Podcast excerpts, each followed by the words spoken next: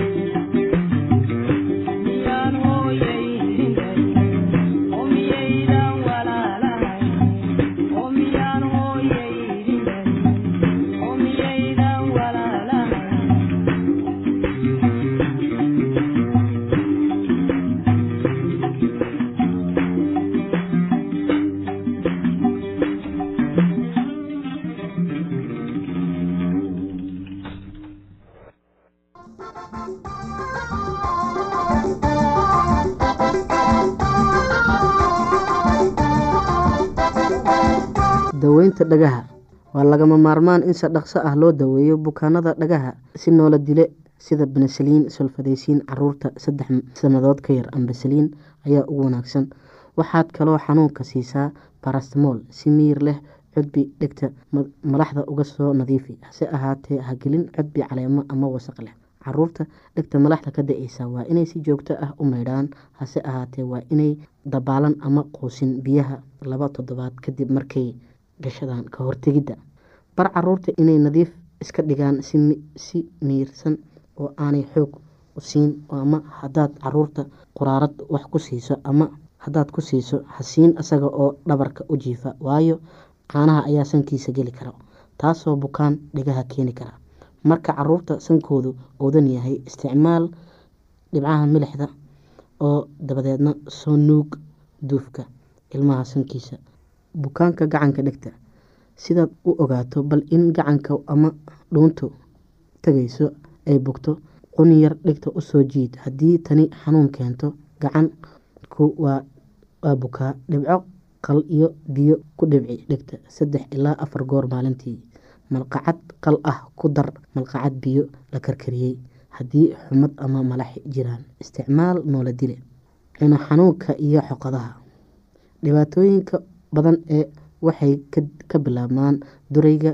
Waxaa laga yaabaa in cunaha cas yahay oo xanuun ilmaha marka uu doono inuu wax liqo xoqaduhu laab qanjidhkooda yaalla labada dhinac ee cunaha labadiisa ayaa laga yaabaa inay bararaan oo xanuun kulaadaan ama malax ka soo dareerto xumadda waxay leedahay inay gaadho daweynta ku luqluqo biyo milix biyo milix leh oo diiran. Malqacad shaaha oo milix ah ku dar koob u qaado xanuunka brestmol haddii xanuunka iyo xumadda si kadis ay u yimaadaan socdaan ama ka badan saddex maalmood doono dhakhtar.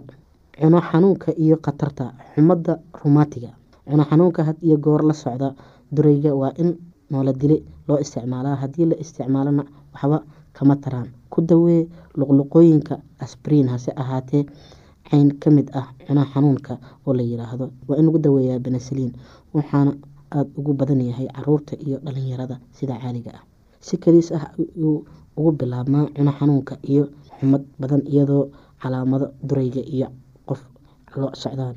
Xaggiisa dambe iyo xoqaduhu aada bay u casaadaan qanjirhka daanka ka soo hooseeya waxaa laga yaabaa in uu bararsan yahay danqan danqanayo si benesaliin toban maalmood haddii ay sii hadiyo goor la siiyo benesaliin toban maalmood. Xumadda romaatigu markay timaado ayay yareysaa ilmaha. Cunaha sidan u buka streeb qaba waa in meel gooni ah wax ku cunaan oo seexdaan meel gooni ah.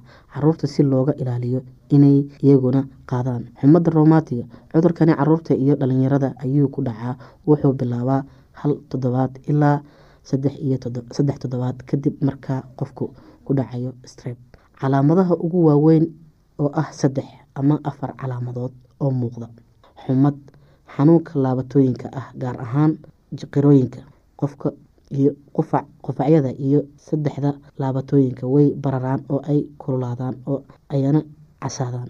Xariijimo goolaaba ama meelo soo buuran oo diirka hoostiisa ah kuwa aada u xun waxaa jira itaal darro hinraag iyo wadno xanuun. Dhegeystayaasheena qiimaha iyo qadarinta leho waxaa halkaa noogu dhammaaday. Barnaamijkii caafimaadka waa shiina oo idin leh caafimaad wacan.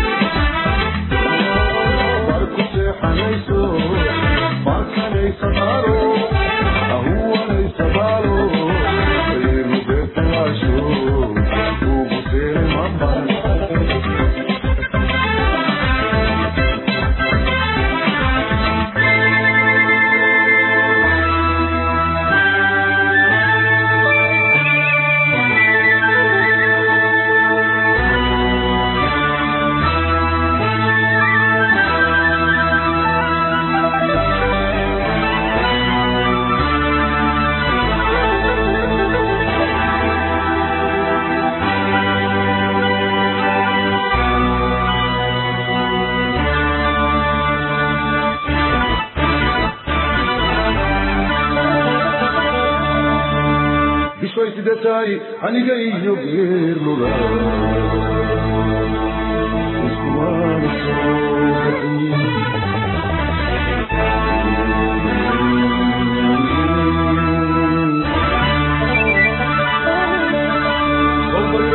iyo gadaashiradii bundraayarte beledi weyn ku taale iyo matagudkood qasankeeda maahay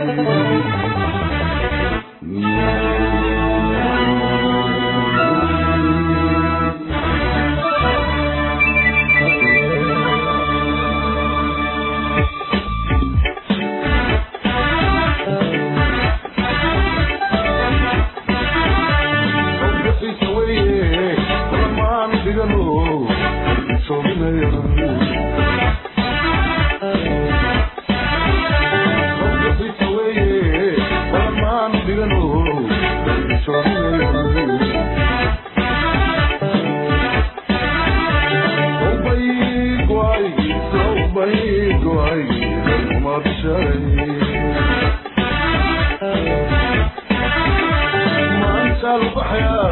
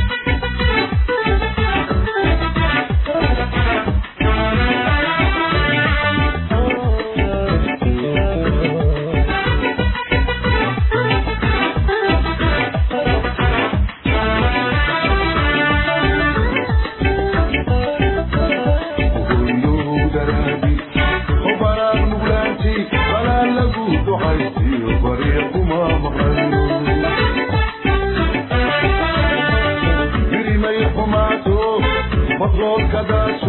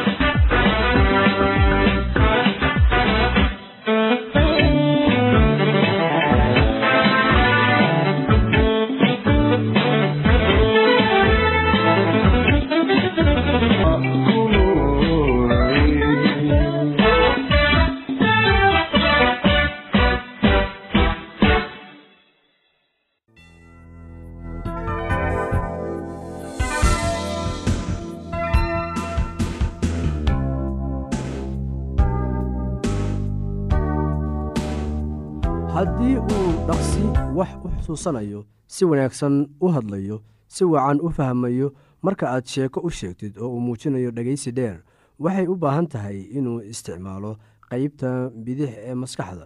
Laakiin haddii uu muujiyo awoodda ku saabsan xagga orodada ee uu dabeecad hal abuur leeyahay oo uu lumiyo xiisadihii uu u qabay waxyaalaha kale oo uusan wakhtiga ilaalinaynin waxaa markaasi dhici karta in cunugaagu isticmaalayo dhanka midig ee maskaxda ama waxa luuqadda ingiriiska lagu yidhaahdo right brain sided. Waxaad ogaataa dadka kala raacsan labadan qaybood inay jiraan meelo ay ku liitaan iyo meelo ay ku wanaagsan yihiin. Tan waxay ku awoodinaysaa inaad si sahlan cunugaaga uga caawiso waxbarashada. Waa run in carruurta isticmaasha dhanka bidix ee maskaxda ay ku liitaan xagga orodada iyo casharada ku saabsan farshaxanimada. Carruurta isticmaasha dhanka midig waxa ay la xarbinayaan barashada luuqadda afka ingiriiska iyo akhrinta. Aad ayay u dhibaysaa oo way ku adag tahay inay xifdaan qaybaha yaryar ee gabay ah haddii loo dhiibo. Si sahlan ayayna u qalbi jabayaan. Waxaad isticmaali kartaa buundada loogu yeero luuqadda si aad carruurta ugu caawiso inay isticmaalaan kulli labada qaybood ee maskaxda dhanka midig iyo dhanka bidixba. La soco waxay ku dhegaysanayaan iyaga oo isticmaalaya dhanka bidix ee maskaxda. Waxaanay arkayaan inaad hadlaysid adigaoo isticmaalaya qeybta midig ee maskaxda. Sheekooyinka loo sheega carruurta ayaa waxay yihiin kuwo isku xira dhanka midig iyo dhanka bidix ee maskaxda. Waxa uu akhri carruurta la hadal iyaga wakhti si loo la sheekeysto iyaga. Si wakhti aad kula sheekaysatid iyaga xirfadda qoritaanka ayaa iyana ah buundo isku xiraysa labada qaybood qeybta bidix iyo qeybta midig. Qeybta midig wax bay aragtaa qeybta midigna waxay keydisaa wararka. U iibi joornaalo buwaagta taswiirta ee ka hadlaya mowduucyada ay jecel yihiin haddeer laga yaabaa inaad fahamtay sababta carruurta loogu diido inay daawadaan telefishinka. Maxaa wacay? Carruurta inta badan waxa ay wakhti siinayaan daawasho beddelkii dhegeysiga. Haddii aad yaraysataan daawashada telefishinka haddii aad yaraysaan daawashada telefishinka waxaad helaysaan wakhti aad ku wada hadashaan oo aad waxyaalo badan isla wada samaysaan haddii carruurtaadu weli yaryar yihiin yaree cadadka iyo wakhtiga ay ku cayaarayaan bolomboolada bolomboolooyinka caadiga ah ee fudud ayaa waxay cunuga ka yeeli karaan inuu yeeshto hal abuurnimo. Dhoobeyda gabaareyda gabaareyda iyo waxyaalo kale oo yar ayaa maskaxda cunugaaga ka shaqaysiinaya.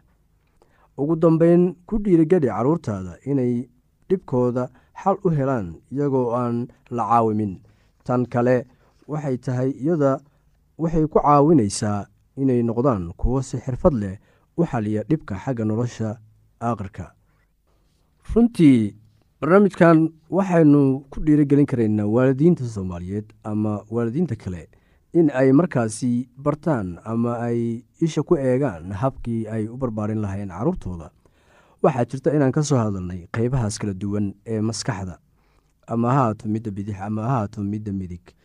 Waxaa laga yaabaa inay taasi idinku adkaato fahmidda in maskaxda ay kala qaybsanaan karto. Taasi waxaa runtii soo saaray culimmada sayniska oo ayagu baaritaan dheer ku sameeyey waxyaabaha kan.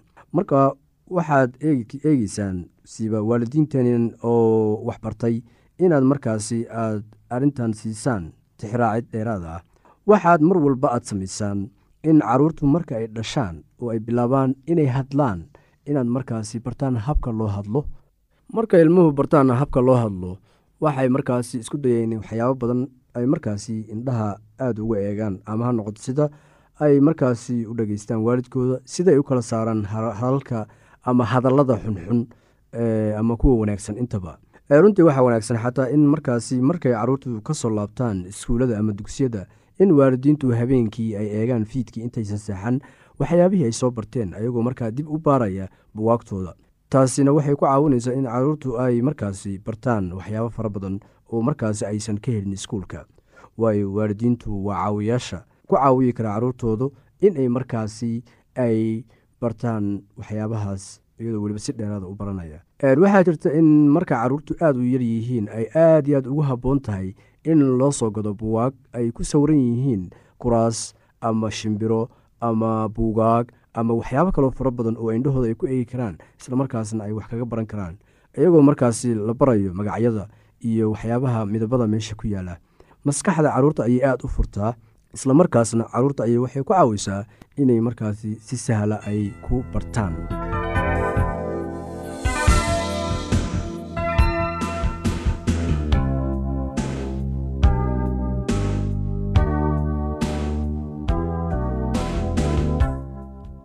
haddii aad qabto wax su'aalaha fadlan inala soo xiriir. Ciwaankeenna waa radio somaly at yahu dt com. Mar labaad ciwaankeenna waa radio somaly at yahu dt com. Barnaamijyadeena maanta waa naga intaas